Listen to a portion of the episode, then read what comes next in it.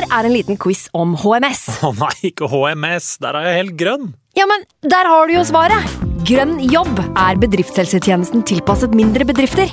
Våre HMS-eksperter hjelper mer enn 8000 bedrifter over hele Norge med alt fra lovpålagte HMS-krav til pålegg fra Arbeidstilsynet. Få på plass bedriftshelsetjeneste på grønnjobb.no.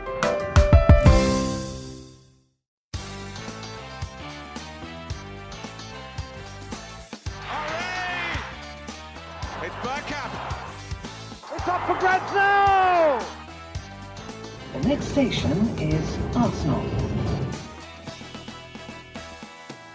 Signe Husfreden og hjertelig velkommen til en duggfrisk og utappet episode med Arsenal Station. Med vikarvert eh, for anledningen, meg, Magnus Johansen. Simen han eh, kjente på imaginær springskalle og jobber med å kjøle seg ned etter at Rob Holling Jones lot Southampton bedrive bryting på St. Mary's. Ja, Simen han har noen private ærende å te til, så derfor så passer det ekstra godt med en gjest i dag. Så dere slipper å høre på mine uavbrutte utbasuneringer. Og mannen vi har vært så heldige med å stjele tida til, det er ikke akkurat et wildcard i den sfæren her. Hvis vi sier at han i dag kommer inn som en erstatter for Simen, så snakker vi en solid benchboost. En vaskeekte trippelkaptein. Både i fotballkunnskap og ikke minst podkasting. En ære å ønske velkommen til Fantasyrådets og Feilvendts egen Franco Rocher. Jøss, for en vanvittig bra intro. Men jeg, jeg holdt på å stoppe Tusen takk, forresten. Jeg holdt på å stoppe deg eh, ganske tidlig der, for heter han Rob Jones Holding til mellomnavn? Nei, men eh, Nei, okay. Holding. Eh, for Ja. Han tillot jo Holdings eh, en sånn grad i dag at jeg mistenker at eh, det, er, det, er, det er tillatt å kanskje foreslå at han kan endre, endre navn. Ja, det er provoserende, opp, eh, provoserende eh, oppførsel fra dommeren. Men ja. Ja. Takk, det var det jeg skulle si. Veldig, veldig hyggelig eh, intro. og veldig... eh, Det er jo en glede for meg å være med her. Jeg hører jo på, er min favorittfotballpodkast. Så det er jo eh, stas, stas for meg.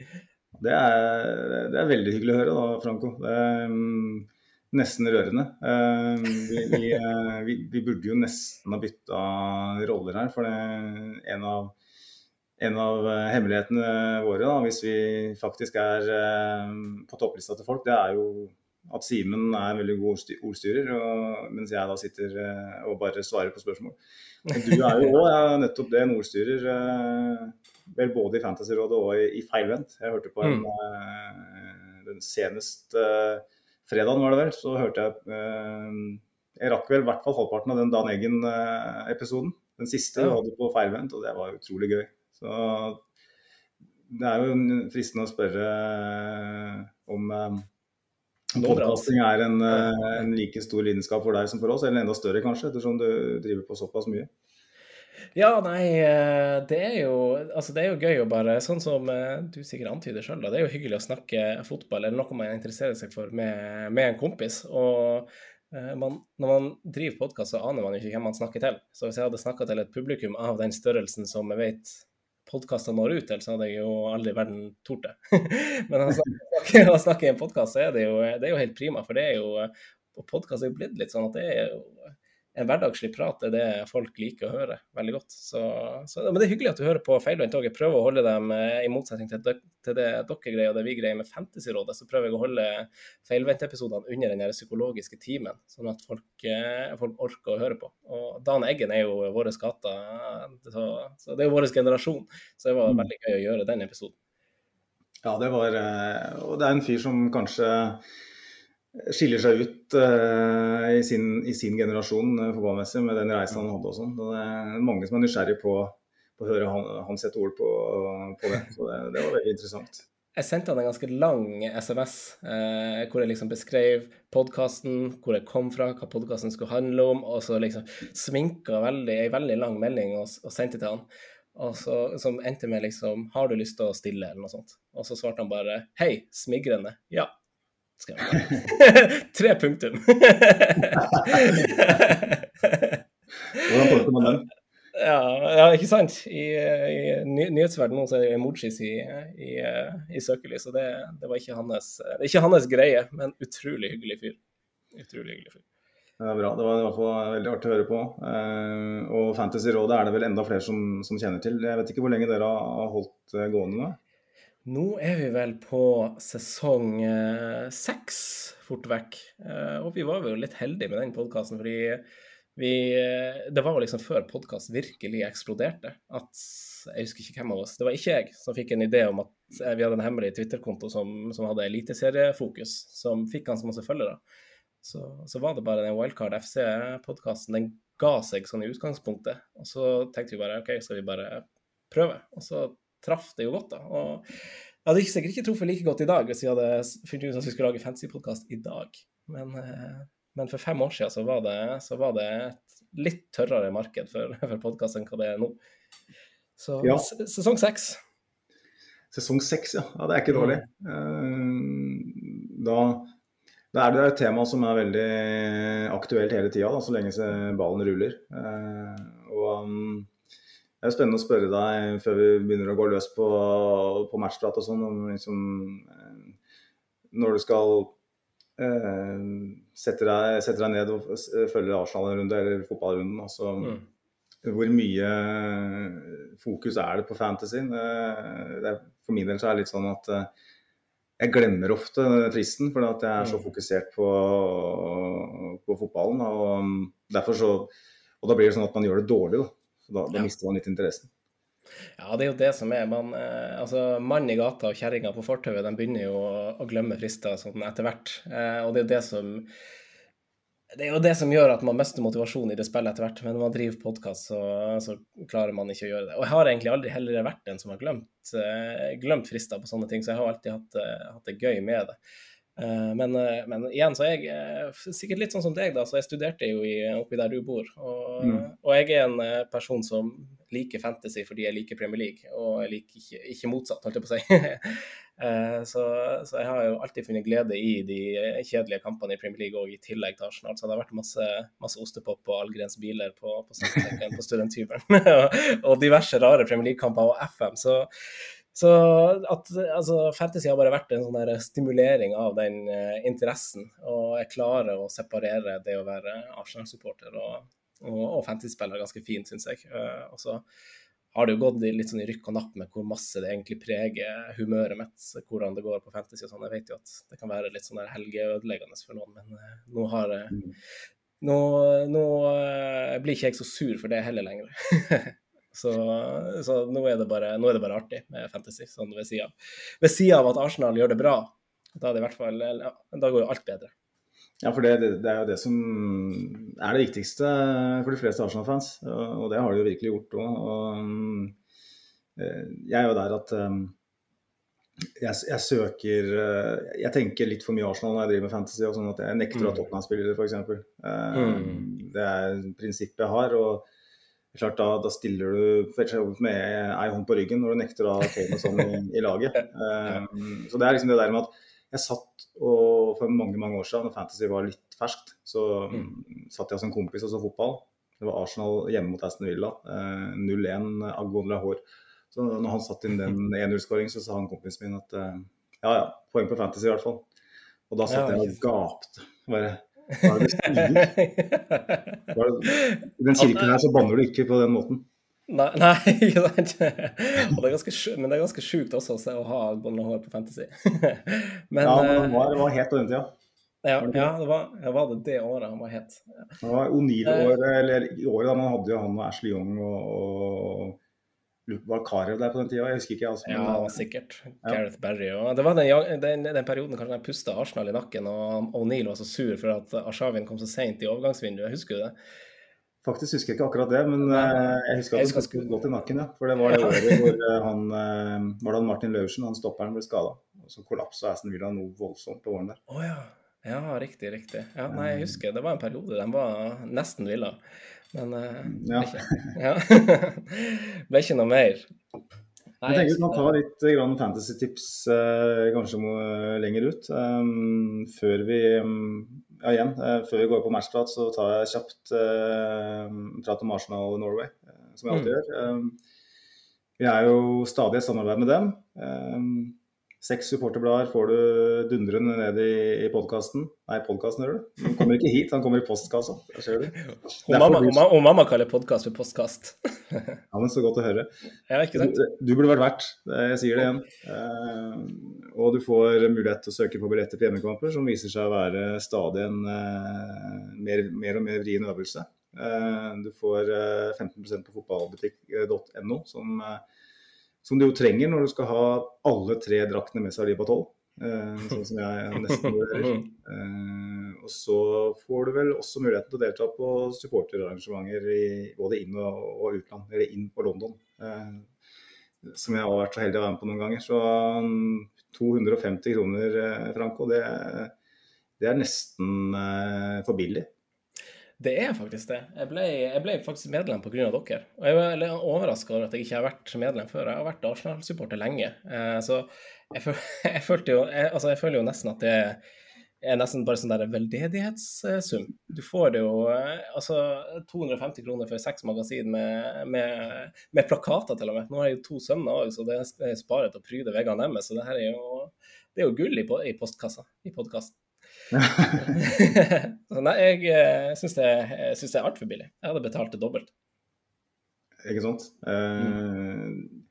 Fantastisk godt innsalg eh, der også. Og, og, det han sier der, det må jo vi bare ta til etterretning, Simen, hvis du hører på. At eh, det er altså vi som er årsaken til at han har meldt seg inn. Og det, det, er sånn, det, er sånn, vi liker å, å høre, for det, det, viser at det virker. Um, vi holder på hver eneste episode med, med det her. Så um, håper, vi ser at lyttertallet stiger. og vi åpenbart såpass ydmyke at vi erkjenner at vi sannsynligvis ikke er hovedårsaken til det, men at vi kan bidra med en her og en der, det, det er penger i kassa. Og det, er, eh, det hjelper supporterklubben med å, å, å, bli større og kunne arrangere de typene arrangement som vi har gjort. Da, hvor det potensielt kan dra inn en skarve legende fra siden. Eh, til og med aktive spillere har de fått til. Så det, det må eh, de som hører på som ikke allerede er medlem, eh, What are you waiting for? Um, men da, Franco, eh, ja. skal vi snakke om noe som er litt mindre hyggelig. Um, nå har jeg sittet her, og det her er uvant for meg, for jeg sitter her hver søndagskveld nå. Jeg føler det siden starten av august. Det var tidlig sesongstart i år. Og vi har sittet og snakka om trepoengere, med unntak av én mm. episode. Det har vært tre poeng, tre poeng, tre poeng hele veien. Ti matcher, ni seire. Det er, det er nesten ikke til å tro. Um, mm. Og så kom bananskallet, eh, som mange spådde. Simen var eh, på tråden til meg og, og spådde den, hva skal jeg kalle det, den evinnelig positive Simen meldte at det her går ikke. Nei. Da får jeg litt eh, dårlig magefølelse, for at han meldte det samme et, uh, før Leeds-kampen. ja, det... men uh, det var jo en mye svakere match enn den vi hadde i dag. Uh, men mm. i dag så, så, kom den første.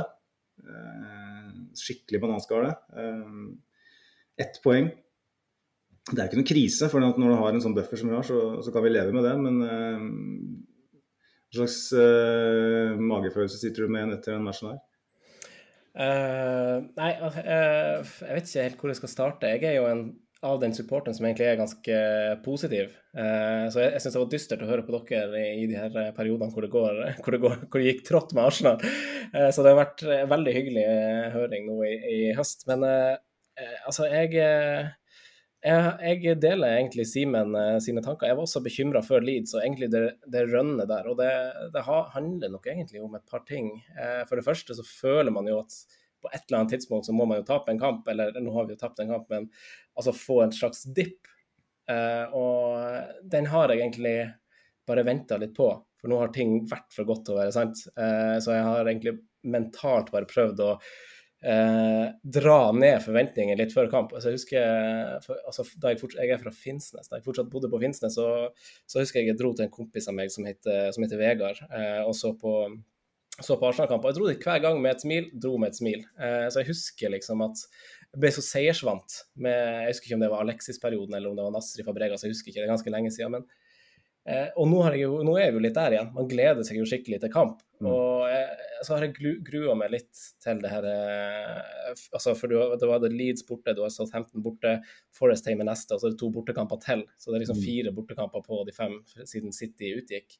Så jeg har, egentlig grua meg litt til det runnet nå før, eh, før VM, og så fikk vi jo i, i gåseøyne en litt heldig trepoenger borte mot Leeds. og så føler jeg egentlig ut i førsteomgangen i, i dag mot Southampton på, nede på sørkysten der, at uh, det her ror vi i land. Jeg føler at vi har uh, ganske god kontroll egentlig i store deler av omgangen. Tar jo en ganske tidlig ledelse. Jeg ser for meg at det kommer til å komme 2-0. Uh, og jeg klarte ikke å se for meg at det her skulle snu eh, selv ved en pause, da. Uh, selv om man gjerne skal ha den ekstra, ekstra i, i kassa før den tid. Men jeg følte meg trygg på tre poeng etter hvert som kampen gikk, selv om jeg var ganske nervøs. og snakk om de her referanse til de her forventningene mine, så hadde jeg trodd at eh, Jeg var forberedt på poengtap i dag, men eh, utover i kampen så trodde jeg det skulle bli tre, altså. Så jeg, var, så jeg snudde litt underveis. Så, så følelsen jeg sitter igjen med eh, når de setter 1-1, er- da blir jeg ganske skuffa. Nei, men eh, det, det er liksom hva, hva forventer vi, da? Hva tenker du? Nei, men Det er jeg helt enig med. Hva forventer vi? Altså, Ja. Vi kommer til å avgi poeng i, i fotballkamper. Eh, Dette laget her er veldig veldig bra, men det er ikke på nivå med, med Pep Guardiola sitt Manchester City, eh, som vi kan forvente at kanskje plukker opp mot 100 poeng. Eh, Mm. Og da det sier det seg sjøl at med den bredden vi har og den, det kjøret som er, eh,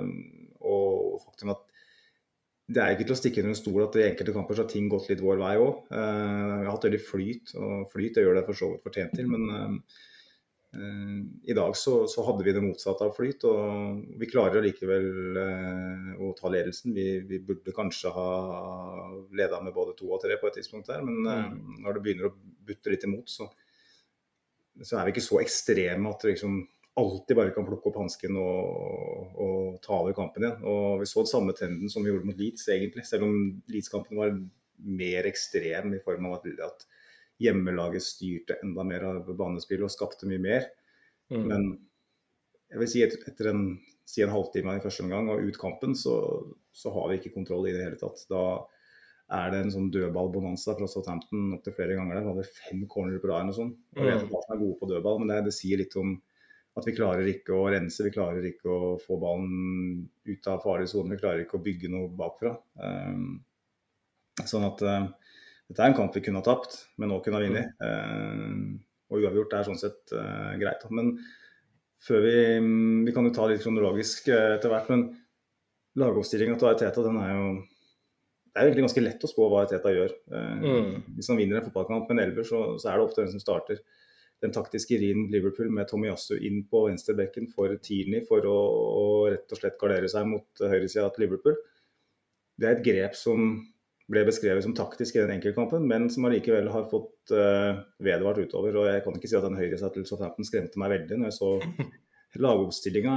eh, og Martinelli, som vi nevnte i forrige episode, er til dels lider litt av at han ikke har nok støtte offensivt når vi, når vi kommer. Han må alltid vende opp og gå innover eller bakover. Eh, Får ikke satt den opp én mot én eh, offensivt ofte nok. Eh, Syns du det, det grepet med å sette Tomiyasu på venstresida kanskje er litt oppbrukt nå? Ja, det syns jeg egentlig. Og jeg syns du egentlig du beskriver, beskriver det fint sjøl.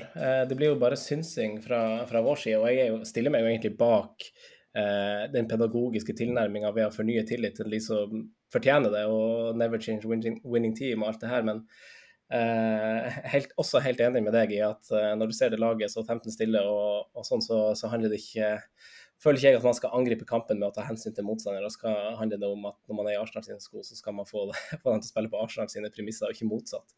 Så, nei, så jeg hadde egentlig håpa at Tierney skulle starte i dag. Vi vet jo at Zinchenko plages jo med sitt, og, og jeg syns jo eh, den taktiske biten du beskriver, eh, har ikke jeg tenkt like nøye på, men det gir jo veldig mye mening når du sier det, med, med Martinelli og, og, det samspillet på den sida som, som, har vært litt sånn manglende i, i, i bruk av Tomiyasu på den sida. Så jeg håper jo at man Nå får vi jo sikkert et hvilt Arsenal i europakampene. Vi var jo, Noen av oss var litt overraska over at de stilte ganske solid og Saka spilte 90 osv. I, i forrige uke. Men nå når man har kommet og sikra plassen videre, og mest sannsynlig førsteplassen nå, så tror jeg vi får se at beina blir hvilt i de kampene der. Eh, og det tror jeg vi kan trenge også, i, selv om ja, Nå slo jo Forrest Liverpool, da, holdt jeg på å si, selv om det bare er Forrest, men det, det er jo åpenbart ikke det. Eh, så, så jeg, jeg, håper vi får se noen hvilte bein eh, nå i Europa, og at eh, en liten omrokering på, på, et par plasser på laget mot Forrest hjemme. Det For det er jo litt sånn at Tini spilte vel da 90 mot PSV, og vi kjenner mm. jo skadehistorikken hans litt for godt. Eh, mm. sånn at eh, Hvis det handler litt om å beskytte Tini òg, eh, så kan man forstå det. Men eh, mm. som du sier, nå kommer det en match mot PSV som vi tåler å tape. Vi må si, si, det så greit. Jeg tipper vi kan slå Sirius hjemme med eh, en Vaneri eh, fra start, nesten. Mm. Det er det svakeste laget i gruppa. Uten at man, uten at man skal, selvfølgelig ikke skal undervurdere altfor mye. Um, men uh, la oss uh, ta starten av matchen i dag, uh, Franco. Det var jo en forrykende start. Mm. Burde jo kanskje ha skåra før vi gjorde det. og jeg har sett en del Southampton-matcher under Hasenhyttel hvor, hvor, du ser dem går naivt til verks. Og det er veldig sjelden at de faktisk justerer. det er derfor de har tapt 9-0 er det to ganger. Han er ganske sta, Hasenhyttel. og på godt og vondt, da, får jeg si. han har jo han har ikke bare vært svak i Southampton. Um, men uh, når han først da justerer den um, Kan jo ta mål først, for så vidt. da. Sjaka som ikke har høyreben, har skåra to med høyre på to matcher. Ja. Uh, og ikke bare sånn der tap-ins med høyre heller, det her er jo teknisk vanskelige skudd. Mm, absolutt. Uh, det er nesten som man uh, kaller den for Jacques Sorla. Eh, det var jo, han kan bruke begge føtter nå. Eh, tenker vi stopper der. Men eh, målet er fint. Ben, ben, White og Saka kombinerer fint på høyresida. Og Ben White som blir stadig mer eh, back. Eh, han var jo mm. stopper som spilte back i starten av sesongen, syns jeg. Og nå ligner han mer på en back som spiller back. Eh, mm. Men eh, etter den skåringa så har vi òg et par sjanser til. Men så virker det som om uh, Hasnittel tar grep. Virker som han setter ned en uh, Eller han, han, han, setter vel ned en spiller så det blir en femmer, uh, på et vis. Jeg kan ikke si at jeg dette er litt problemet når vi spiller nett etter kamp. Da blir man litt forvirra av og til. Men det går vel fra en firer til en femmer bak og, og stenger av de rommene vi, vi, så på. Litt sånn overraskende, egentlig. Mm. Men litt skuffende at Arsenal blir så prega av det. Mm. Ja, jeg, ja det, jeg, tenkte på det samme da jeg så, da jeg så kampen, at det var et eller annet som, som skjedde der. Eh, Hassenhyttel har jo jeg sansen for. Det virker som de kjører en sånn light-versjon av det Arsenal gjør. De er vel det nest yngste laget nå, bak Arsenal òg, så de, de, gjør en slags revolusjon nedi der. Men eh, jeg, eh, man har vel kanskje også, som du antyder, etterlyst kanskje noen av de grepene fra hans side. og Det var et eller annet som skjedde der som stengte, stengte en del rom, men eh, jeg er jo mest irritert over sånn, sånn kanskje du, du sier at vi kunne jo ha skåra 2-0 på et tidligere tidspunkt. Eh, nå, altså sånn eh, Jeg vet ikke hva jeg skal si, det, jeg, for jeg er ikke skuffa over noen, men eh, hva kan han si om Mourinho? da? People who don't understand football analyze with stats. Så det er liksom, man, man savner jo noen av de her skåringene til, eh, til, Jesus, men eh, mm. jeg, skulle, jeg, skulle, ha likt å se Jeg begynte å se han gjøre noe annet enn å smashe den ballen, på en måte. Altså, Han kommer til mm. skuddet litt høyte vinkler av og til. og brenner til midt på keeperen. Og du kan også dra fram den volleyen som, eh, der Ødegaard har en helt kanonrå flikk til han, eh, hvor, hvor, det virker som han bare Altså, det handler bare om å skyte Treffe ballen rent. Eh, og det, det framstår for meg litt rart når man vet at han har en sånn teknisk, av, teknisk verktøykasse som tilbyr at han kan bedre, på en måte. Så, mm. så jeg, skal, er på ingen måte kritisk til han, for han gjør en så god jobb for, for laget på alle nivåer. Men jeg skal, jeg skulle likt å se han skåre litt flere mål, om, om, det får være lov å si, egentlig. Eh, og jeg, jeg, var ikke forberedt på å si på, på, på Rippy one i denne episoden, men eh, når jeg hører, jeg hører si det høyt nå, så tenker jeg sånn faen, nå, eh, nå savner jeg liksom at eh, at du gjør noen av de her tilsynelatende litt enkle, enkle sjansene dine til mål. da. Jeg vet ikke om det, du tenker det samme, men jeg, jeg syns liksom mange av avslutningene går rett på keeper. Ja, dette er en arena Franco, hvor du har lov til å snakke til elever, altså. bare så det er sagt. Eh, Du nevnte jo at du faktisk har spilt for Løten. Eh, og De som hører på podkasten, vet at jeg kommer derfra. sånn at, Jeg har Og flere kamper på A-laget til Løten enn meg, for jeg har jo nettet som var null. Men eh, sånn sett så vet du at når vi får oss et par eh, kaffedoktere, så, så snakker vi fra levra. Og det er, det er lov her, altså. Og det, jeg syns det er helt greit jeg, å gi tyn, litt tynn til Gabriel Jesus i, i dag. Og, ikke bare basert på dagens kamp, eh, som du sier, men siste tida. Han, Mm. han har fire avslutninger i dag, og kun én på mål. Han, Mm. eh, Team Stillman, som eh, du sikkert kjenner til, eh, som følger både Arsenal og, og søramerikansk fotball veldig tett, Mm. han sier jo at han er veldig sjølkritisk, og han lar seg prege hvis han eh, ikke får ting til å stemme. og Han kan eh, munne ut i perioder som, som han virkelig sliter. Mm. Jeg synes Kroppsspråket hans er litt bekymringsverdig. Han, et, allerede første misten i dag så ser du at han begynner å kaste litt på armen og litt ned med nakken. og sånn Klassiske tegn på at jeg, han er frustrert. da. Eh, Nei, jeg, liker ikke helt den trenden hans foran mål. Han er jo i City også leverte han under XG hver eneste sesong. Um, Um, I den grad man skal legge mye vekt på det, så er det jo et slags uh, system som forteller deg noe om uh, hvordan en spiss presterer.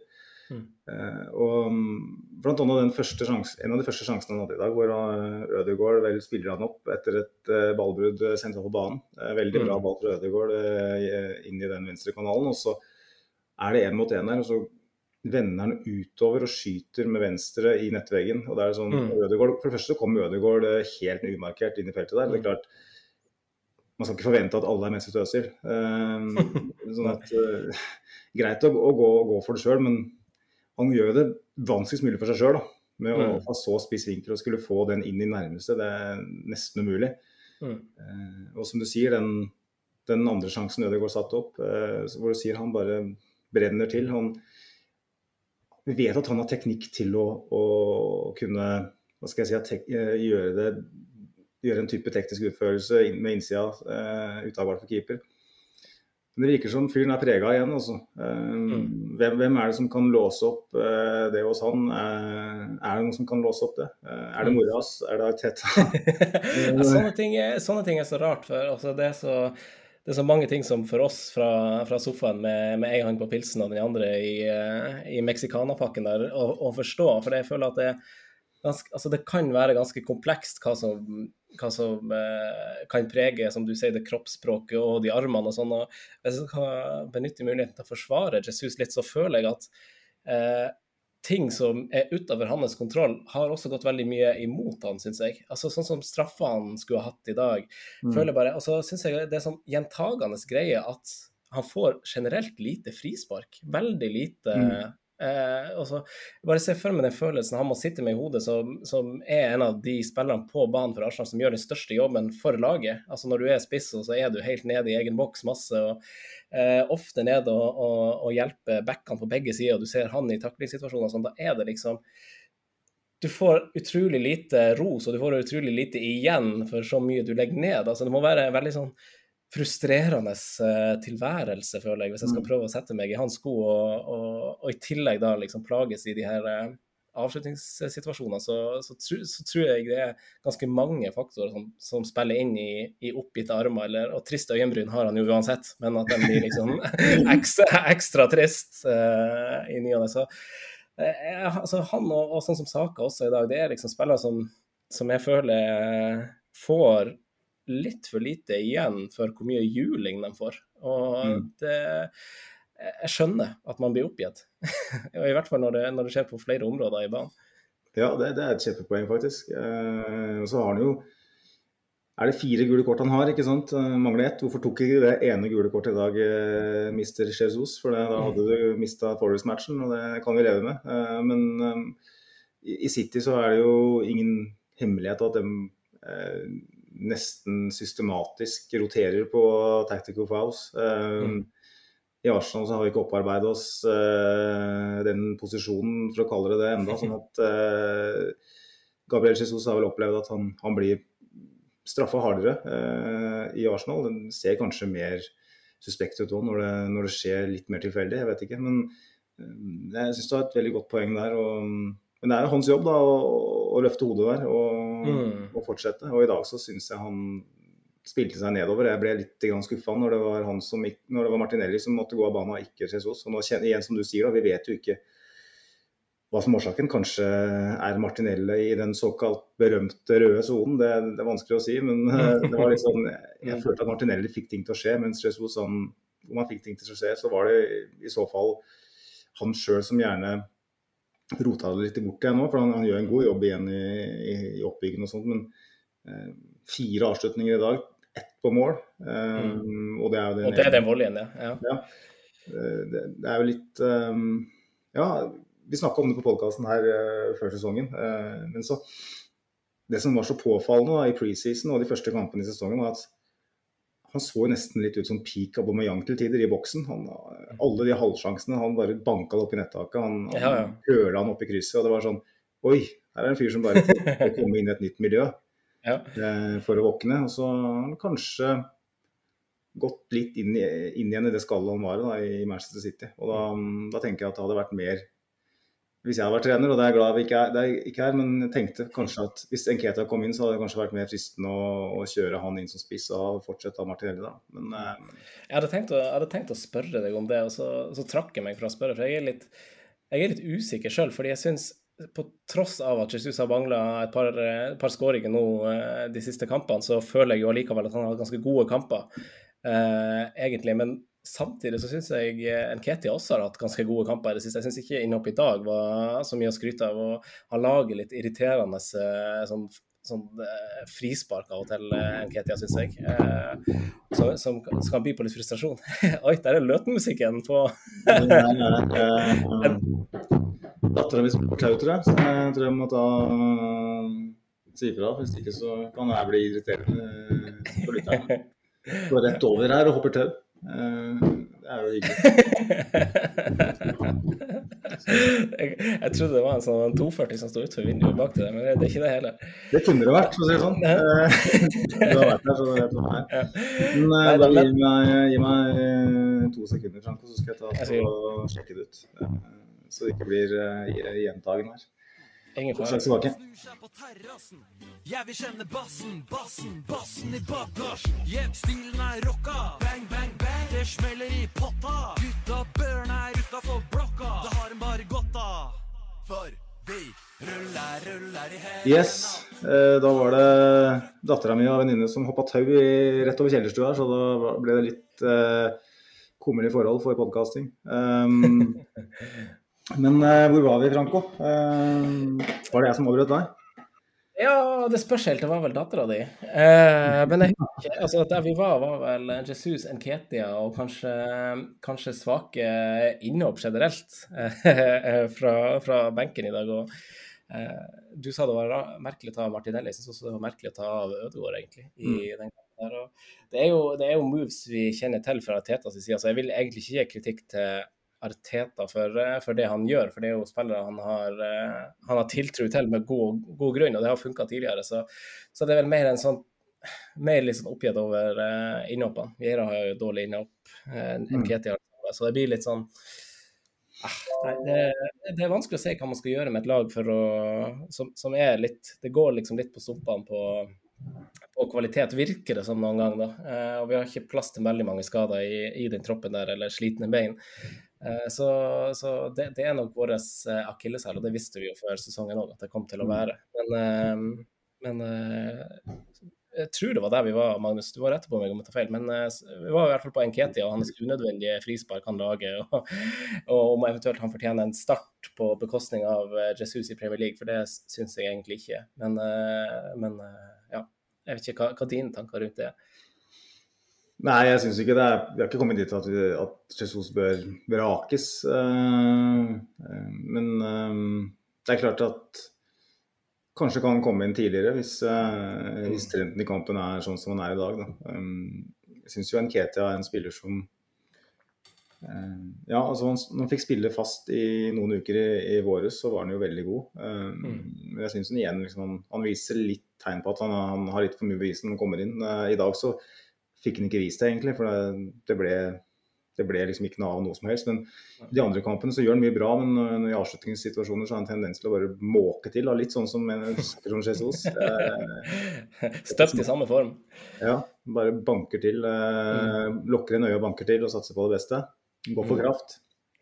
Han har vel ingen skåringer i Premier League denne sesongen. her. Han har blitt en del minutter etter hvert.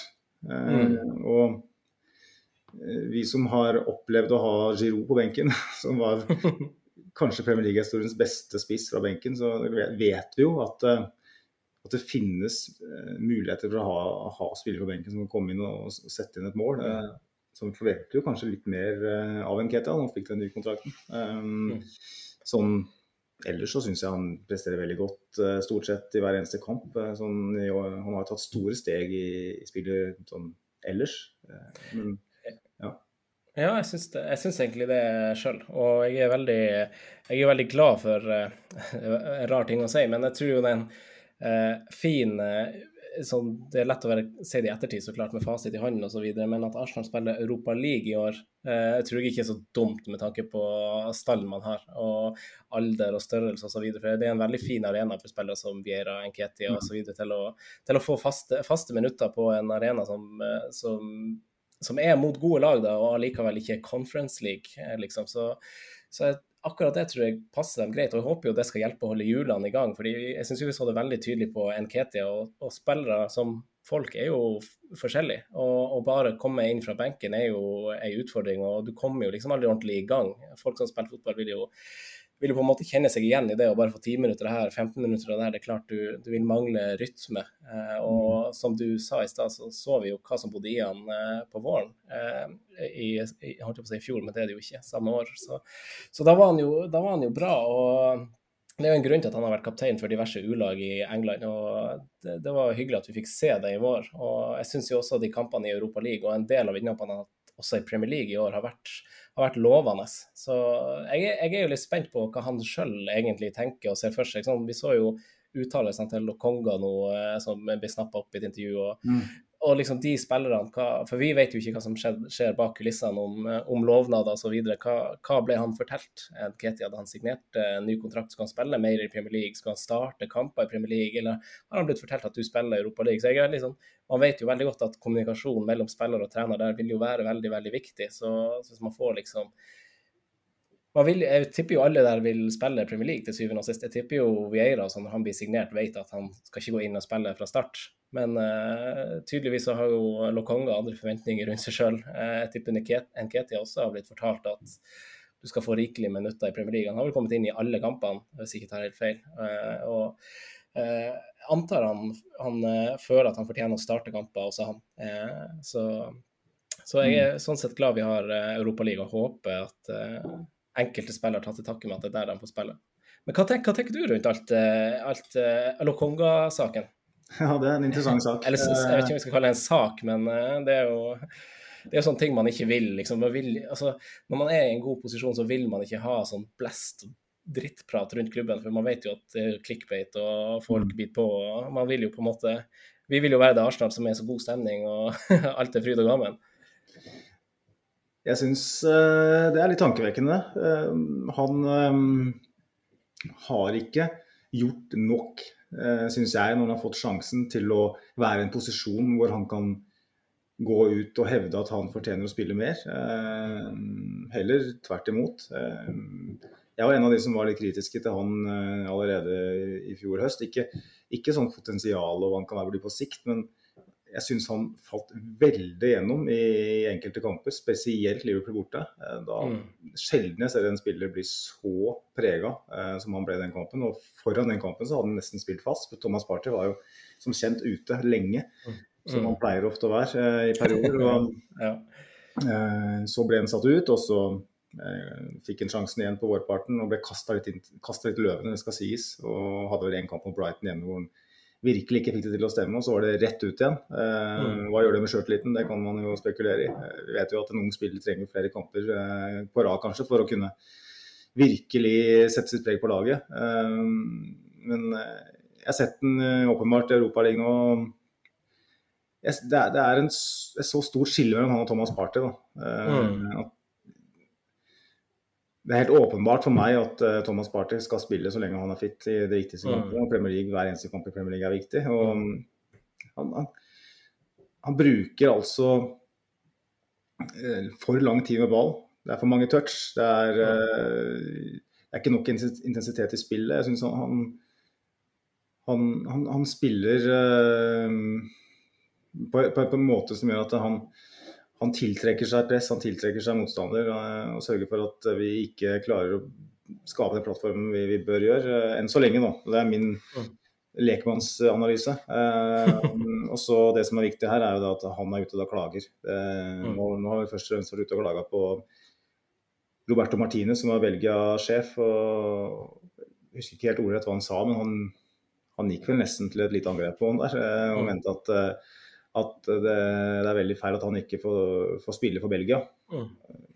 Og det syns jeg er litt- useriøst og litt sånn litt urovekkende. Da, for at, Mm. eh, han har jo vært med, ute med noe drypp eh, når det gjelder Arsenal òg.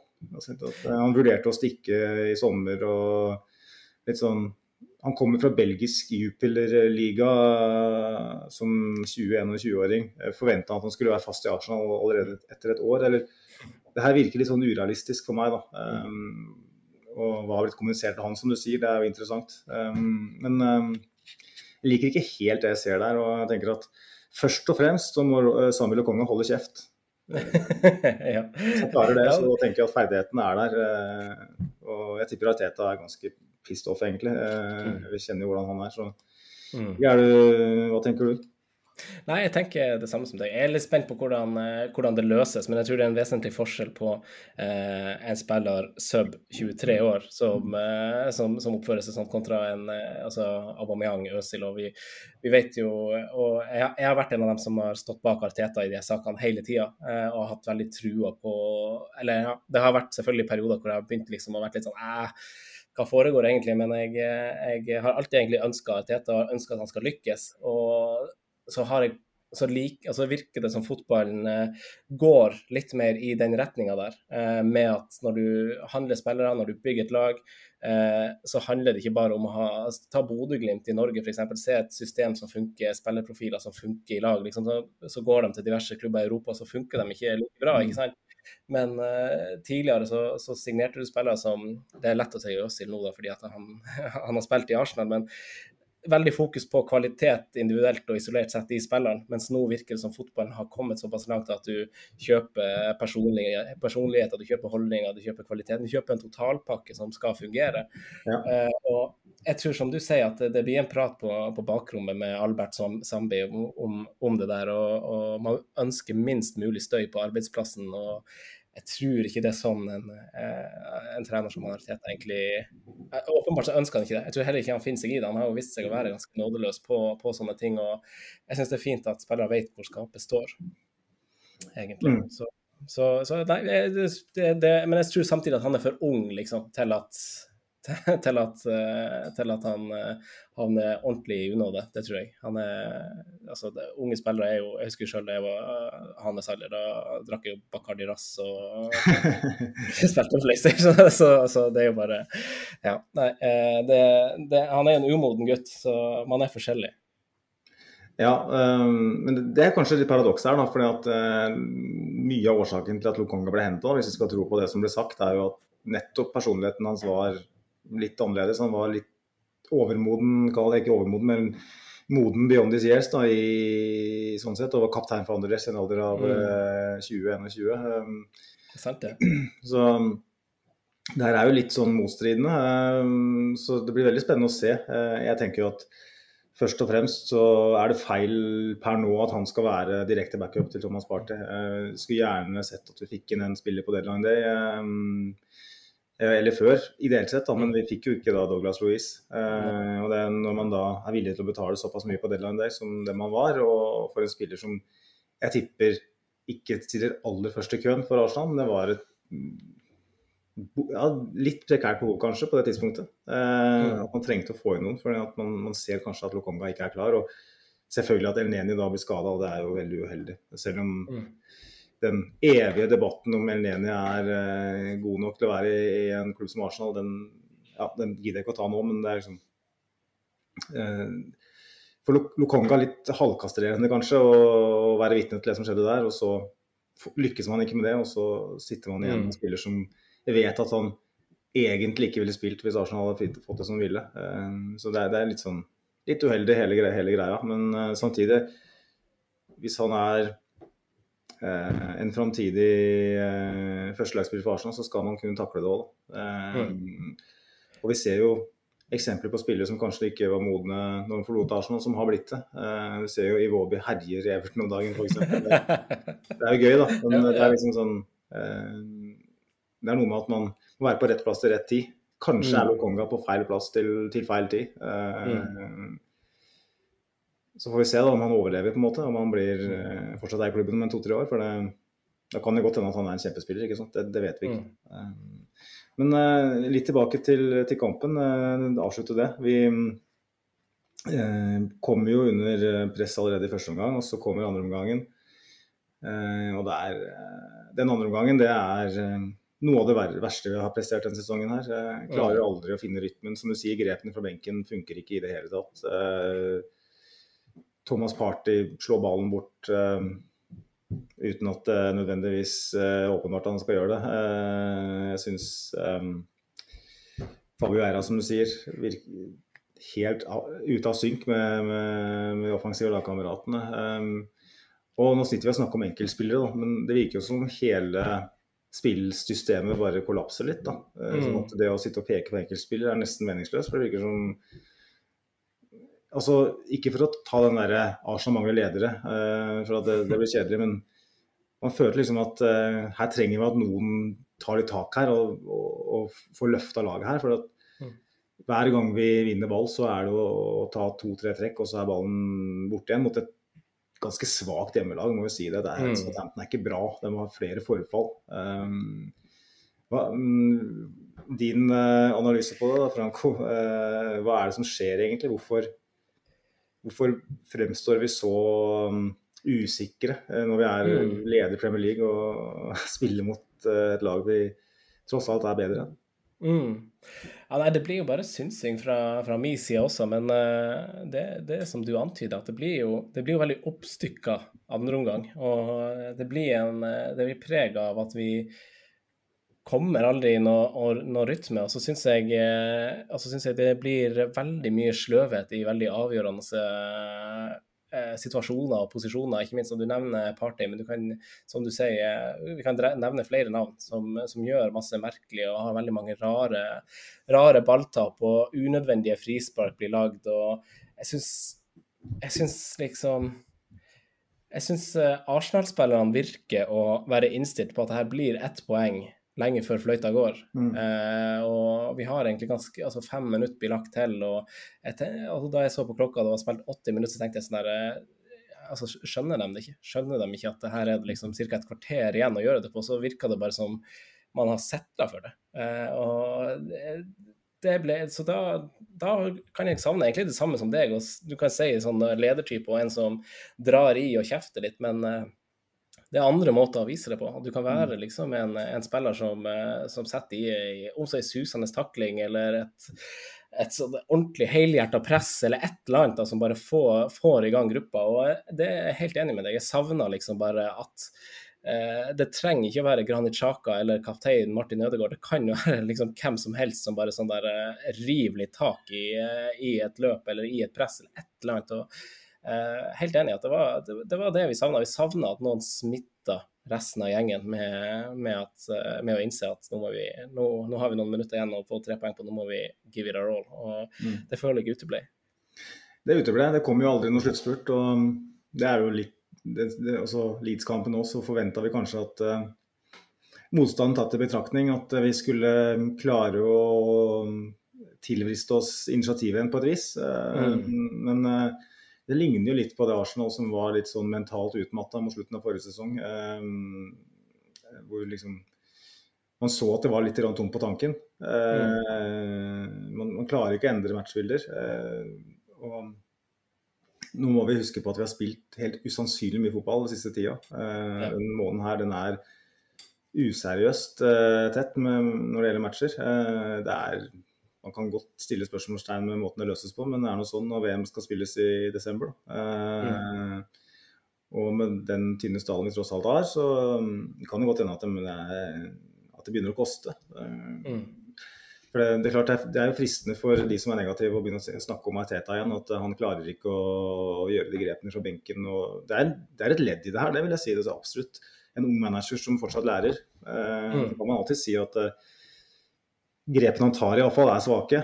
Eh, men eh, hva slags verktøy har han i verktøykassa, det er et annet spørsmål. Eh, men det blir i hvert fall en kamp som bare ebber ut i uavgjort. og Southampton jubler som skal vinne på slutten. her, Det overraska meg nesten litt. For jeg følte at de hadde såpass mye eh, å fare med utover omgangen at eh, kanskje de går for alle tre her. Um, Mm. Men du ser at Arsenal-spillerne er skuffa, men likevel måte, på en måteholden måte. For de, de, merker at eh, vi hadde egentlig ikke noe å komme med her. Det var ikke noe igjen på den tanken. eller Man fant ikke ut av det. Hvordan skulle man klare å, klare å sette trykk på Southampton? Det var vel én dødball eh, på, var på overtid til og med. Eh, og Da satt jeg i kjellerstua her og ropte at flytt, bruk tid, flytt laget frem, for nå må vi Mm. fra på banen.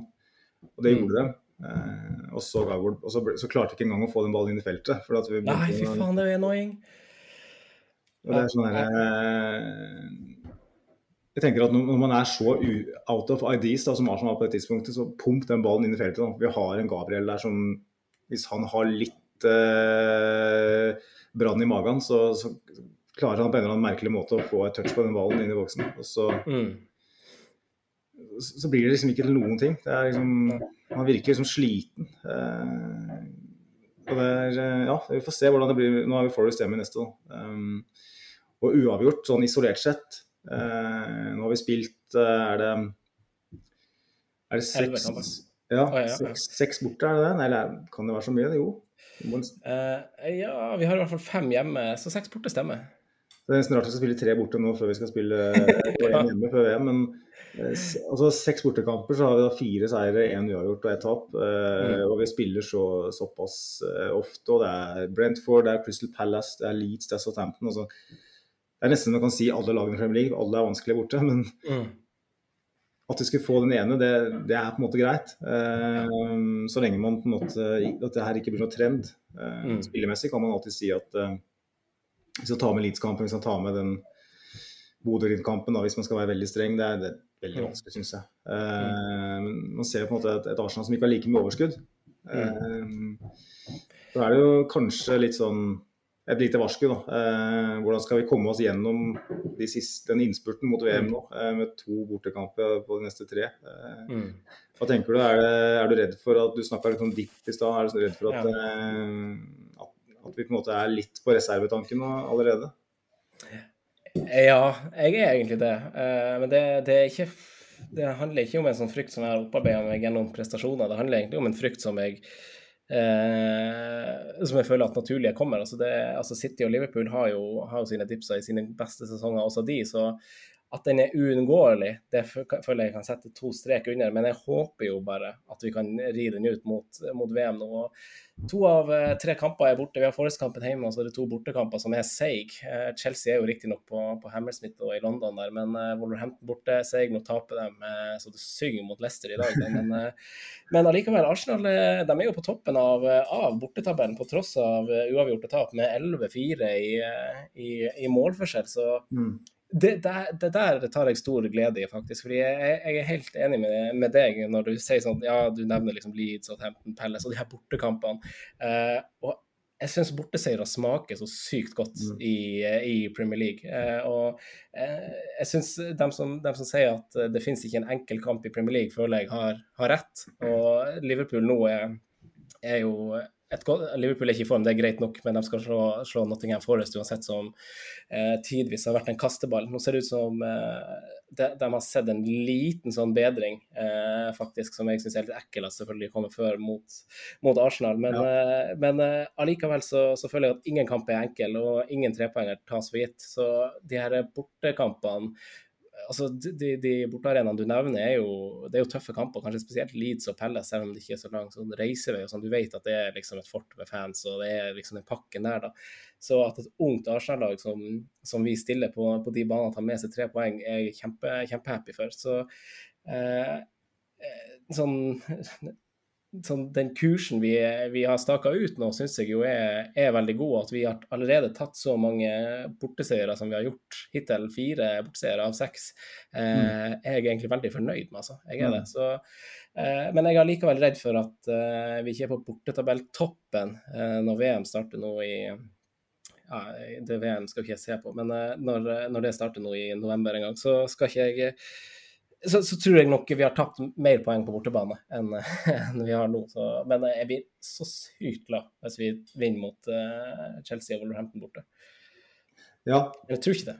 Dessverre. Nei, det, det, det, skal jo kanskje mye til at vi vinner begge de, da. Men uh, Chelsea borte er vanskelig uansett. Og Wolverhampton har kanskje ny manager når vi reiser dit. Det er vel ganske mm. sannsynlig. Uh, rart om ikke de klarer å få en på plass innen, innen da, kanskje.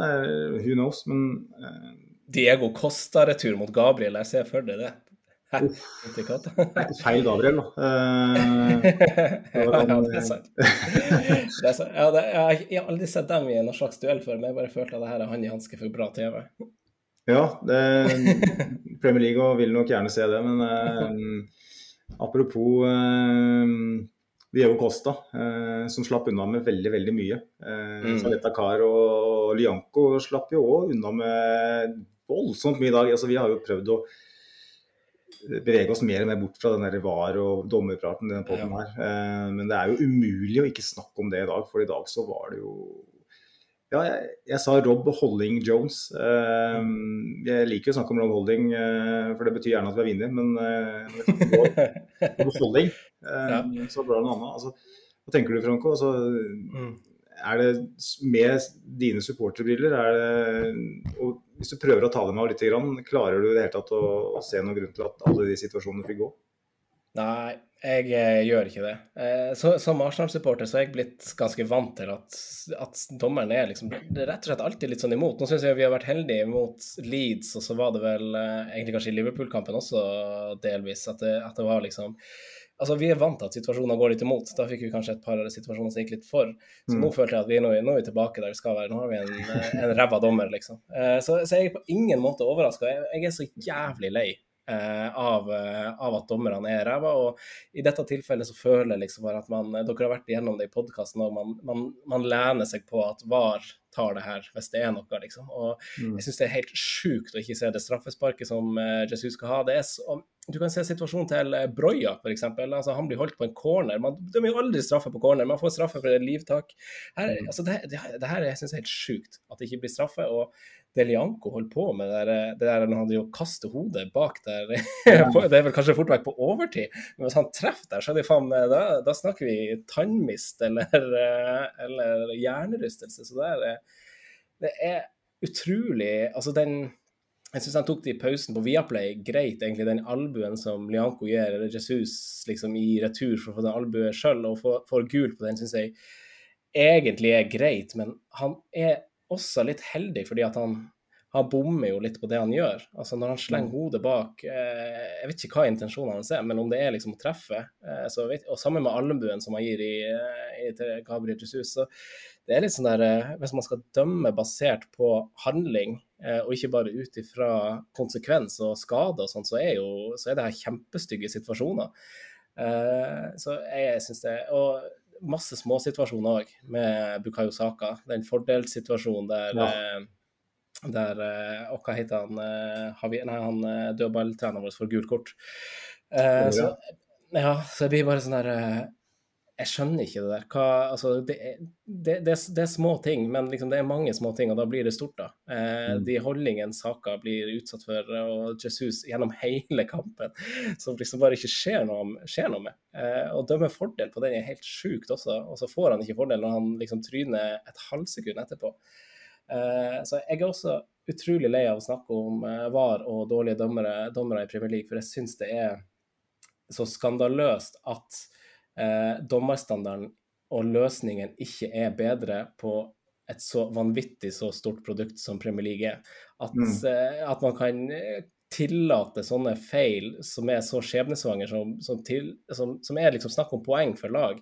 Eh, for Arsenal sitt vedkommende i fjor var det jo kjempefrustrerende å snakke om Champions League. ikke sant? Så, så jeg føler at eh, hvis man ser sesongen under ett, så kunne man ha skyldt på masse dommeravgjørelser for at poeng har gått tapt.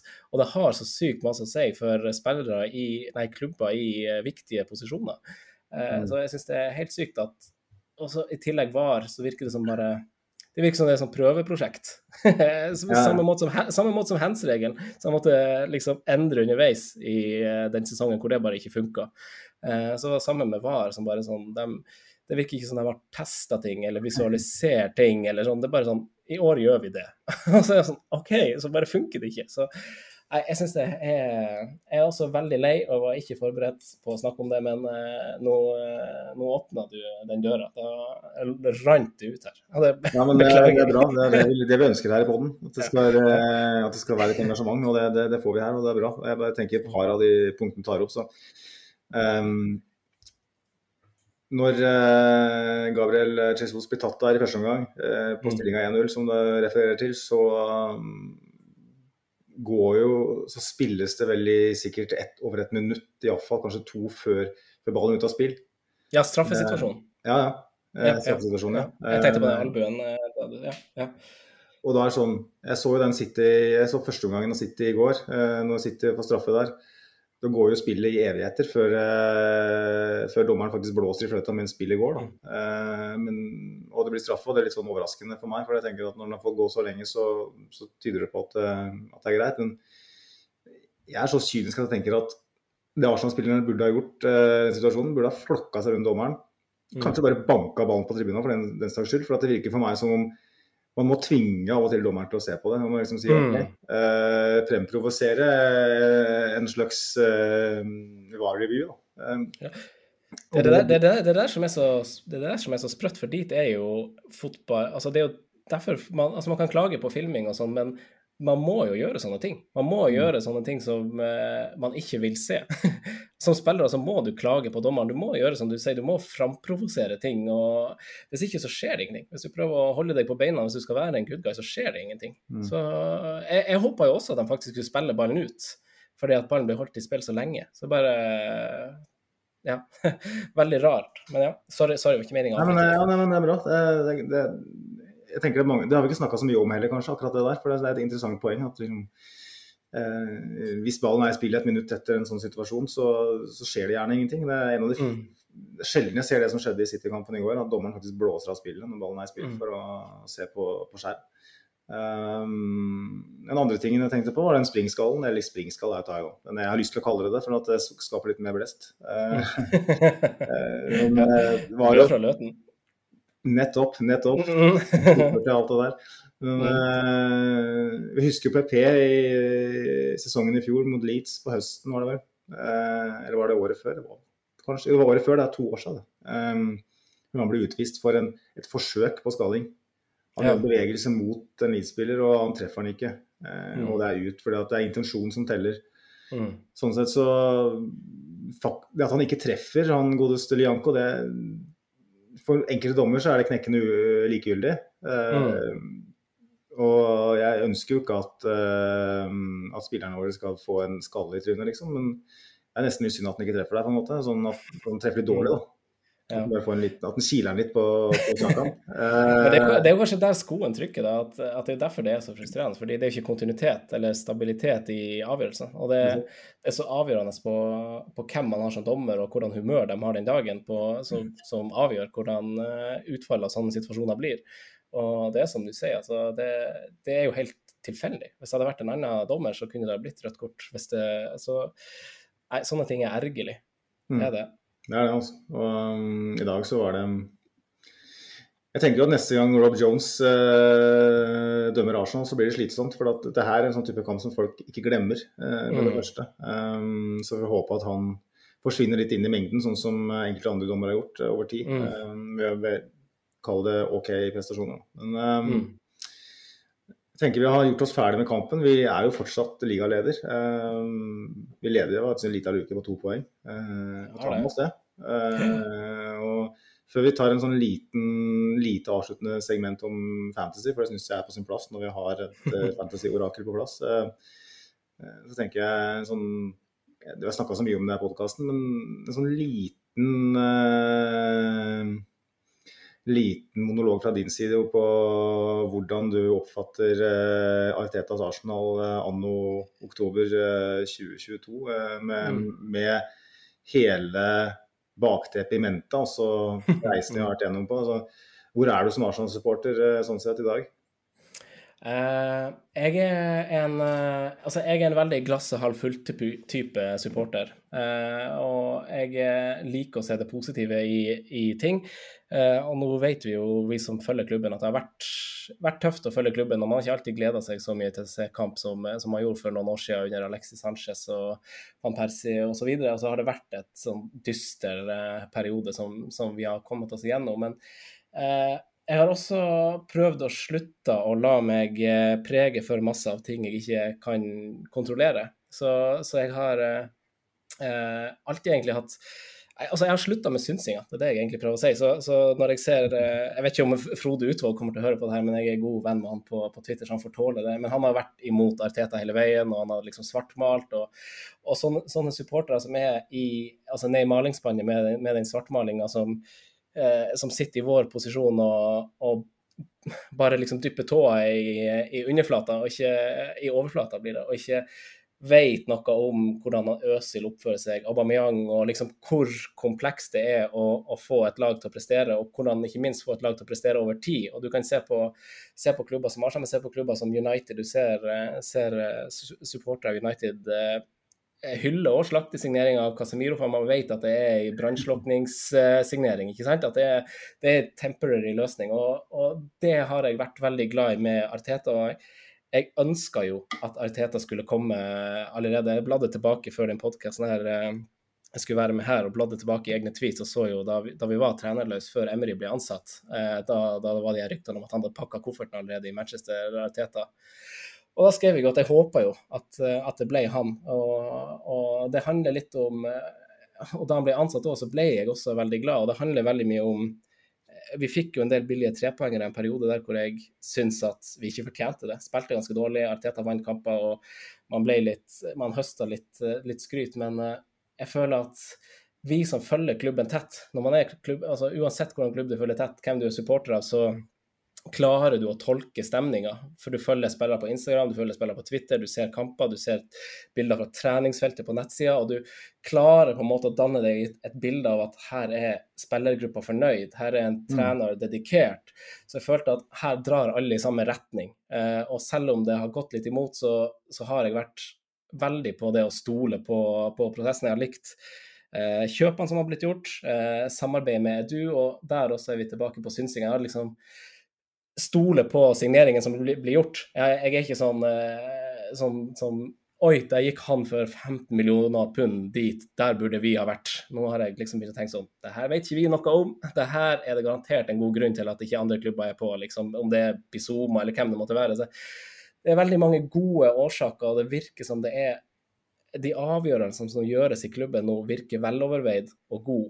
Eh, mm. Så det er ingen grunn til å ikke stole på, på det som gjøres. og jeg kjøper det. Eh, og jeg hadde en dyster periode for omtrent et år siden etter den starten med de tre, tre tapene der. Eh, og, og, etter den landslagspausen skulle starte mot Norwich, da sa jeg liksom til mine, til mine venner at nå, nå, starter sesongen. Vi hadde Der er også et eksempel på eh, ting vi ikke vet. Eh, skadesituasjon, korona, Aubameyang sin oppførsel. ikke sant? Vi så bare det dårlige resultatet mot, eh, mot Brentford. det, det er, det er, så mye mer greier der. Og så får vi vite i ettertid at her har man jo prøvd å søke utsettelse, og så viser det seg at alle lag som søker utsettelse i ettertid, får det.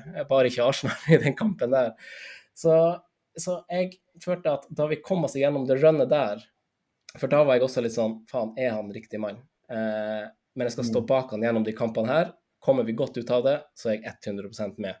Eh, og det gjorde vi jo, så, så jeg har liksom alltid hatt trua, men hadde, var skeptisk den perioden der. Og nå er jeg jo bare superhappy. Jeg hopper jo på en ny sånn Wenger-epoke. Jeg sitter og ser på et Wenger-bilde hengt opp på, på, veggen her nå med, og får litt sånn gåsehud. Så, så jeg håper jo at det er en ny sånn Eh, jeg hadde ikke trodd at vi skulle ligge på førsteplass nå, så vi må, vi må jo være superhappy på tross av ett poeng her. Vi skulle, vi skulle puste Champions League-plassene i nakken der, og, og, nå gjør vi vel så det. og eh, Vi er i så god rute for å få Champions League-fotball i 23-24, så jeg har eh, klokkertro på, eh, på prosjektet og det som gjøres på feltet og det som gjøres i, i kulissene på, på områder som vi som supportere ikke har tro, men nå føler jeg vi kan stole på. Veldig godt oppsummert det. da, og eh, Veldig fint å høre at du mener litt. For jeg tenker at eh, for at den podkasten her skal overleve, så trenger vi at vi kan uttale oss både aggressivt og hjertelig om ting vi egentlig ikke har helt masse innsyn i. Eh, det er jo vår, vår rolle. Men eh, det er, jo, det er jo som du sier, da. Vi, vi kjenner aldri hele, hele sannheten. Og men man kan ska, ska, skape seg et ganske sånn greit overblikk. Mm. Uh, og Jeg syns du er inne på det aller vesens, ves, mest vesentlige her, og det er jo det at uh, nå kan vi stole på klubben igjen. For det, det kunne mm. vi ikke gjøre. Uh, det er egentlig sommervinduet 20... 20 altså i fjor, da, egentlig. 2021. Når ja, ja, ja. vi henta Ramsdale og Ben White og ja, hele den gjengen der. Um, mm så du ikke, skal du ikke spole tida mer enn eh, et år tilbake før det, før vi var inne og det var Runarsson og det var William og det var eh, Cedric. og det var, det var, så åpenbart da, når vi henta Jeg syns spesielt Cedric eh, og Pablo Mari i den januar, det januarrundet. Én mm. ting, det var to lån, da. Så jeg tenkte at mm. okay, man trenger bare å få noen varme kropper inn i garderoben og på treningsfeltet for å sørge for at man ikke eh, mm. kollapser. Men det er så åpenbart at når man på en måte begynner å studere nettverkene, og sånn, du ser at det er hvem som er agent, hvem som er representant, hvem kjenner hvem her. Mm.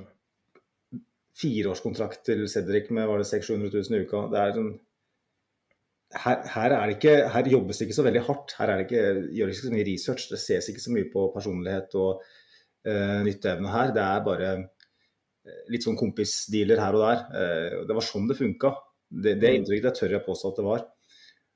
Og så var det akkurat som om når Ariteta fikk manageransvaret, når han ble forfremma rett og slett fra head coach, mm. så var det akkurat som at OK, kom, nå kommer det en voksen person inn i rommet. ja, ikke sant. og det var akkurat det Arsenal trengte. Ja, det, er ikke han SFO-karen SFO som tar over klasserommet etter, nei, etter en time der. En suspekt naturfaglæreren som ikke han har sentralundervisning. Nei. Nei, det er jeg helt enig i. Så, og når man, er, eh, når man er voksen og man tar veloverveide avgjørelser og har en, er såpass talentfull som det Ariteta er, og klarer å få med seg rundt seg, så, så ser vi resultatet av det nå. Og, mm. Som, akkurat som deg, nå, nå, nå, ser jeg for meg en ny gyllen periode. Jeg, jeg, er redd for at Eh, de Klopp refererer til i sine utbasuneringer nylig, kommer til å stå litt i veien for oss, men det er òg det eneste. Uh, mm. Akkurat nå så er vi så gode, og har vært så gode over tid, at det er kun ja, på en måte, At City blir tatt for et eller annet snusk, det er det som står i veien for å kunne være en tittelutfordrer. Eh, hva forventer, hva forventer, du ut fra sesongen nå, da, med den starten vi har hatt med elleve kamper spilt? Hva, Nei, jeg sa, hva, altså, hva, hva, er du skuffa over, og hva er du fornøyd med? Jeg sa fjerdeplass før sesongen, og jeg er fornøyd med fjerdeplass. Ja, du står ved det. Gitt, gitt, at vi på en måte ikke kollapser og blir får 67 poeng og, og spiller råtten fotball mm. resten av sesongen, så tenker jeg liksom topp fire er målet. Klarer vi det og fortsetter å vise progresjon, så er det mer enn nok. Mm. Men jeg, og faller utafor, så er jeg åpenbart uh, skuffa. Uh, men jeg tror nok at hvis jeg skal komme med en slags prediksjon, så sånn som Liverpool fremstår akkurat nå, så er det en god sjanse for at vi kan kjempe om en andreplass. La oss si det. Mm. Det hadde vært vanvittig deilig å slippe kvalifiseringa i Champions League. Få, for det er vel det på fjerdeplass, ikke det? Nei, det er slutt på, tror jeg. Å, herregud, så deilig. Så fjerdeplass, det er rett inn. Inject it. Så, ja. um, så det, er, det, er, gode tider, eh, Franco. Um, og ti, apropos tid, den går fort. Og før jeg slipper deg, så um, Jeg tenker det er vel så mange av jeg, jeg tipper de fleste av lytterne våre kjenner til uh, Fantasyrådet, og mange av dem er sikkert faste lyttere. Det er jo sånn Noen som hater Helt sikkert, for det er Fantasy det er jo det er ikke alles kopp te, det. Eh, men Fullt eh, forståelig. For de som hater det, kan jo gjerne skru av nå, da. Men eh, jeg håper dere henger med. Um, jeg bare par ting, da. Eh, Jeg spiller fantasy sjøl. Det har vært veldig populært med, med forsvarsspillere. Eh, Litt sånn som Arteta har gjort, å bygge bakfra. Alexander Mm. Arnold og Robertsen og Cancelo og hele den gjengen der. Mm. Det er få smultringer denne sesongen, er det ikke det? Hvordan, hvordan, hvordan, hvordan løser du det? Nei, altså, jeg har jo ikke løst det. Eh, Jeg gjør det jo helt, eh, helt bøtte med dritt. Men eh, det, jeg har jo, jeg har jo løst det bedre nå når jeg har tatt det ut. Jeg snakka på podkasten nå, det bytta vel ut Trent med, med Dalot av alle folk. Han koster jo 4,5, så jeg satte jo på han. Han fikk jo ni poeng i den kampen og en clean sheet etterpå. Så spilte jeg han ikke noe mot Chelsea, da. Men, men nei, altså sånn bortsett fra Cancelo, så er jeg vel Har jeg snudd litt på det der. Snudd litt på de dyre forsvarene. Nå har jo Robertsen akkurat nå, da, men det var fordi at vi forrige runde hadde den der eh, at Arsenal og City ikke spilte. Så at de hadde en blank-runde der gjorde at jeg eh, følte at Liverpool hadde en god mulighet for, eh, for clean sheets eh, mot, mot Westham. Sånn ble det jo ikke. Han starta jo ikke engang, han Robertsen. så Eh, nei da, det går ikke så bra, men eh, nå er det jo bare liksom tre kamper igjen. Nå tror jeg det handler litt om å tenke litt runde for runde. Søke litt oppsida fra runde for runde før du har frie bytter under VM. Ja, det er det. Den, du kan begynne, begynne på nytt igjen. Ja, da, har du, da, har, da får du på men altså Det blir jo på en måte wildcard, da. Så du får Mm. frie bytter igjen under VM. Så bra. For jeg, tok jo wildcardet mitt nå og tenkte at eh, kanskje var det for tidlig. Jeg pleier som regel å vente til overgangsvinduet stenger, og så kjører jeg wildcard med en gang. For det, har ikke sett. det er jo litt sånn, Franco, at eh, det er sjelden det blir sånn man ser for seg før sesongstart. Det er det. Jeg, altså, jeg, eh, jeg lander alltid på et tidlig wildcard sjøl, og det, det liker jeg egentlig tanken av. Eh, nå, nå kan vi jo ikke gjøre det på samme Eller jo, vi kan vel det. Vi har, du hadde jo ett wildcard som du måtte bruke før VM, så har du frie bytter under VM, og så får du et nytt wildcard ved nyåret. Så ja. Så, nei, når jeg starter sesongen, så jeg ryker som regel før, eh, før runde fem på wildcard sjøl, altså. Og det syns jeg egentlig er helt greit, for det er viktig å hoppe på de togene på, på starten av sesongen. og Eh, det, da, det er nesten greit å starte sesongen med å ta litt sjanser, egentlig, for du, du har det wildcard å falle tilbake på. Men nå, hvis du er nede i gjørma og skal sikte litt oppover, så må du ikke ta de helt store sjansene. Da, jo, eh, da må du kjøre de litt trygge valgene, som er, som er litt kjedelige, men det er det som får deg til å klatre, rett og slett. Så det er det, det, er det jeg gjør nå. Det vil være litt sånn Sean Dyche nå fram mot uh, januar og bare, bare stenge, en, eh, en bak. Også ikke at man skal forsvarsspille, men bare gjøre det trygge. Um, for det, altså, jeg gikk jo litt hardt ut og kjørte både Darwin Nunes og Haaland fra, fra start i år. Og, og så var jeg sånn usikker på Haaland, for jeg tenkte at eh, ja, han skal til Premier League tross alt. Og det er Guardiola-system. Vi har jo sett spillere slite med å tilpasse seg det første sesongen. Så Grealish um, Ja, virkelig slitt og sliter Det er flere eksempel. Ja.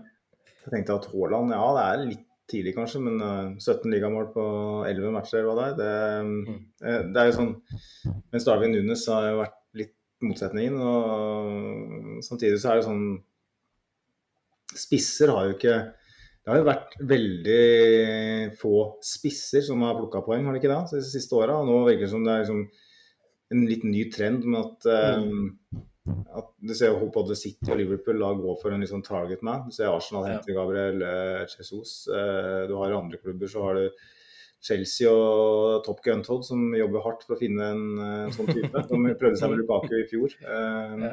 Er fotballen sånn under sånn konstant evolusjon, sånn at eh, det å være fantasy-ekspert er, eh, er en ting som gjør at du må følge veldig veldig godt med timen, antar jeg?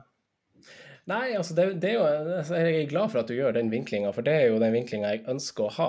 Og det er jo mer den fotballfaglige vinklinga heller enn den der veldig statsbaserte som vi bare ser liksom helt sjuk utvikling av på, på nett. Jeg er glad i stats og sånn, jeg òg, men nå, nå tar det jo helt fyr. Så jeg er jo veldig glad i å, å, å, å se fotball og prøve å fange, fange det, det blikket ser, og heller heller uttrykke det. fordi vi vet jo at altså, fot fotball er jo eh, Fotballtaktikker, formasjoner og, og sånn, det er jo eh, som veldig mange andre ting i verden, det er jo trender her òg. Altså, plutselig er det noen som ser noe funker, og så, altså, ruller den ballen, og så er det noen som tar den ideen, og så er det plutselig mange som spiller med tre bak. og sånn, Det er jo så, så det er jo litt artig. Og om det er en targetman, det, det er interessant. Det har ikke jeg tenkt på, men eh, det er jo flere. Det er jo et spisslandskap som er veldig spennende på Fantasy, fantasy Premier League òg. Og i snakkende stund så har jo Callum Wilson skåret for eh, Han var jo en het kandidat før forrige runde. og? Ivan Tone, Ivan Tone ja, leder 2-1 eh, Newcastle borte mot Ai, ai, ai.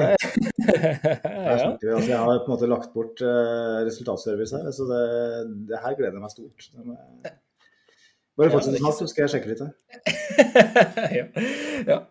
Nei, jeg hadde egentlig ikke så masse mer å si, men eh, det er som du sier, det er luksusproblem å velge, velge spisser på Fantasy Premier League eh, utover eh, brautebilen for tida. Så jeg har jo Jesus på laget sjøl, jeg òg, så jeg har jo Jeg tok han faktisk Jeg satte han faktisk inn nå, eh, igjen, for Callum Wilson, så det var jo litt dust. Men eh, håper han gir meg betaling neste til helga.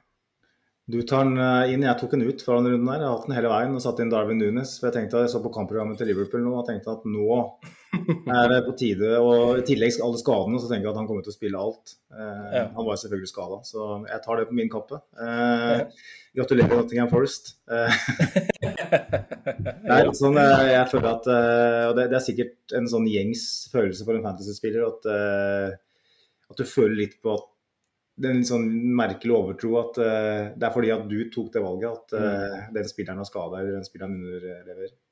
Mm. Det er så sjukt mange som tenker akkurat det. det er det. Eh, det er så, ja, det er egentlig det. Eh, folk, folk undervurderer Folk liker jo å være overtroisk, så eh, man glemmer av hvor masse ting i verden som er tilfeldig.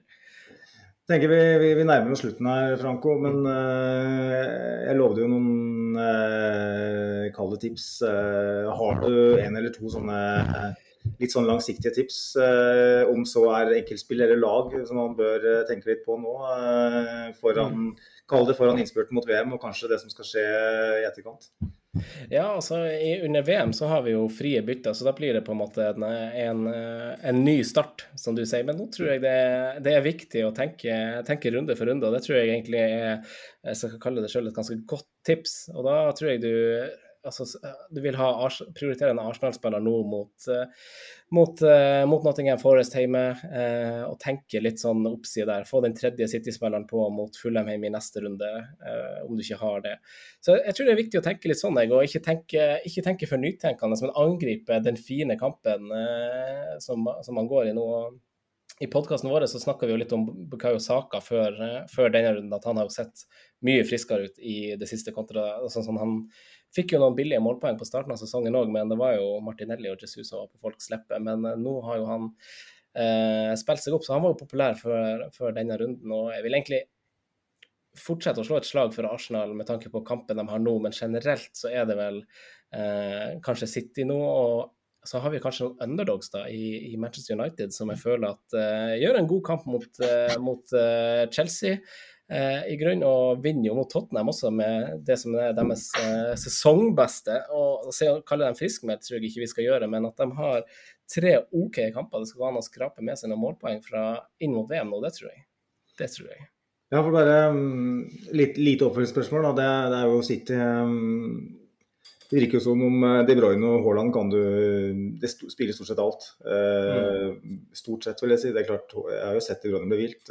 Phil Foden har jeg på mitt lag. Uh, Jeg vært i Oslo i helga med familien og har ikke rekke å satt meg så veldig mye inn i skadenyheter og sånn. men Jeg, jeg så ikke han i, i det siste laget. Men er det, sånn, det er litt sånn problem med City, da.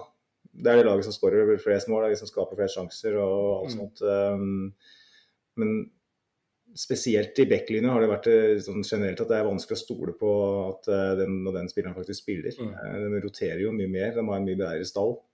Mm.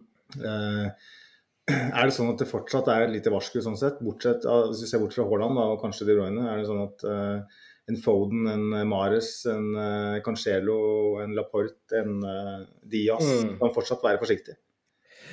Ja, altså nå, nå leverer jo Ederson også målgivende, så kanskje man bare skal gå for han. Men, eh, men nei da, jeg, altså Cancelo han eh, spiller jo overraskende mye, hvis du ser på sesongen som gikk, men også denne sesongen. Han spiller jo alt, og Guardiola har skrytt mye av fysikken at, at, at det, ting bare funker for han. Eh, så han er jeg egentlig ganske trygg på. Eh, jeg har jo hatt Foden gjennom de her eh, poengskårene som han har hatt nå i det siste òg, så jeg er jo kjempefornøyd.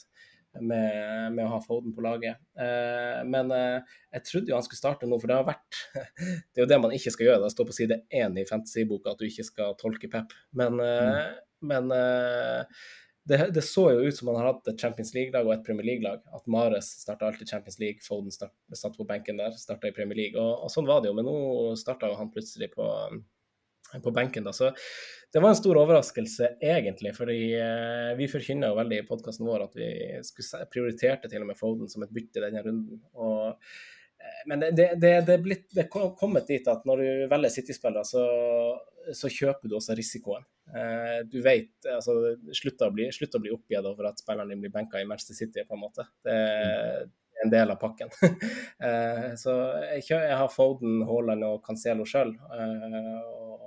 Foden ble benka nå. jeg eh, det blir egentlig bare litt sånn, Man blir oppgitt med et smil, egentlig bare. Det er bare sånn, ja ja, ikke sant, der ser du. Mm.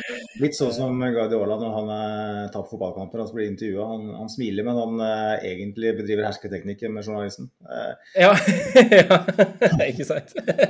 det blir litt sånn. Men jeg ser jo det at, uh, at Almiron har skåra for Newcastle. Det vil si at det trekket jeg gjorde med å sette inn Darwin Nunes, det har betalt seg. fordi at jeg hadde jo da Almiron på benken som første innbytter, og han har skåra, ser jeg. så da da, altså, apropos, en, apropos utskjelte spillere. Uh, Sjaka, Iwobi uh, Var det en til? Og Kepa. så ser vi Almir, Almiron som mm. bare fortsetter å skåre mål. Altså, jeg hadde aldri sett for meg mer fisk på land enn han har vært i Premier League av og til. Jeg tenkte ja, aldri avskriv fotballspillere, og det gjelder vel også et fantasy-øyemed. Det, det, er aldri smart å tenke at han kan vi bare legge på mørkeloftet. Nei det, nei, det er noe med det. Det, det er utrolig viktig å og så, eller sånn som deg, man må ikke ha prinsipper når man skal spille, være god i fantasy. Du må legge liksom det her supporterhjertet litt til side. Og den andre tingen er jo at du må jo, altså du må jo være hva man skal si da, fleksibel. Du må ikke være fastlåst på, på tanker, og du må ikke tro på at du du må vite at du ikke du har rett hele tida. du må innse at ting kan snu, og at andre valg kan være bedre. Så man må ikke være for fastlåst. Det er viktig å være open-minded. Men da tenker jeg Franco, at vi nærmer oss veis ende her. Jeg har um, hatt det veldig veldig gøy. Uh, og Lite plaster på såret er jo tross alt det her. Å kunne sette seg ned og snakke litt terapeutisk om ting når man har uh, gått på, på en smell. Er, vi er jo ikke vant til det her. Det, det er som en liten liten drittunge som ikke får smågås for første gang på butikken eh, på ti uker. Eh, da, da, gjør det ekstra godt å sette seg ned og bare skravle litt. Eh, så, og det faktum at du har spilt for Løten i tillegg, det syns jeg var helt nydelig. Så, en halv sesong i Løten? Tenk på det. Tenk på det. Jeg bare si tusen hjertelig takk for at du tok deg tid. Du, gleden var på min side. Utrolig hyggelig å snakke Arsenal. Ikke ofte man får muligheten til det. Så det er veldig, veldig glad for å få utløp med min favorittfotballpodkast. Tusen takk for det. eh, apropos gode podkaster, eh, kan du ikke fortelle lytterne hvor de finner dine podkaster?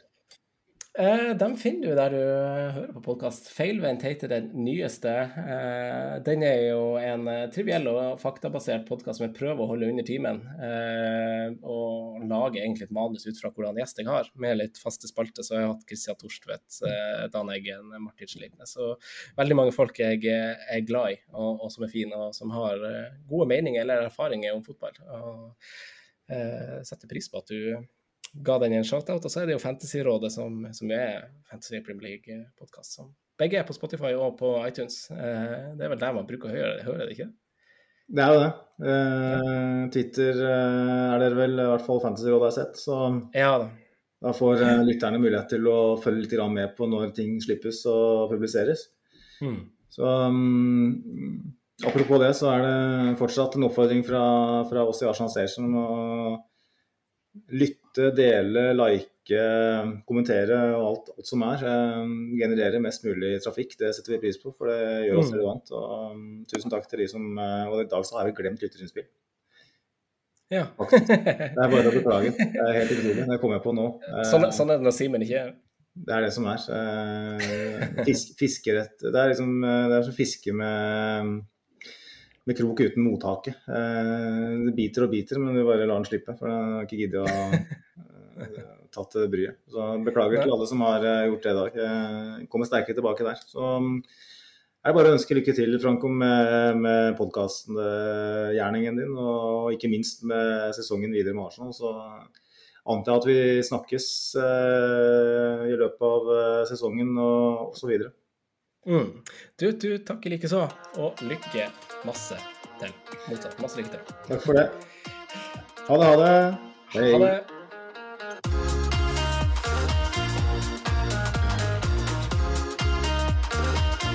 This train terminates here.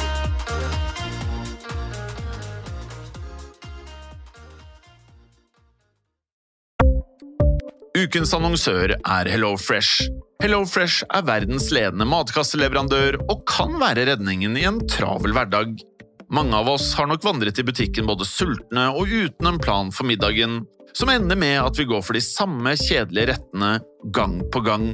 Middag burde være dagens høydepunkt. Som HelloFresh kan du nå velge mellom 25 ulike retter hver eneste uke, eller få HelloFresh til å sette sammen menyen for deg. Dette gir deg muligheten til å prøve nye og spennende retter alene eller sammen med familien.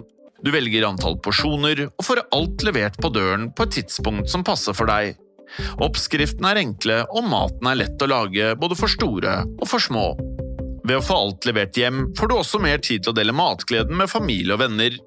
Kanskje det frister med asiatiske tacos eller greskinspirert kylling? Da kan jeg anbefale deg om å gå inn på hellofresh.no.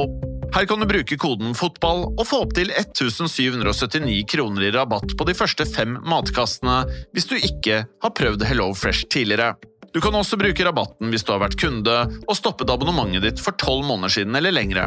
Gå inn på hellofresh.no og bruk koden FOTBALL. Har du et enkeltpersonforetak eller en liten bedrift? Da er du sikkert lei av å høre meg snakke om hvor enkelt det er med kvitteringer og bilag i fiken, så vi eh, gir oss her, vi. Fordi vi liker enkelt. Fiken superenkelt regnskap.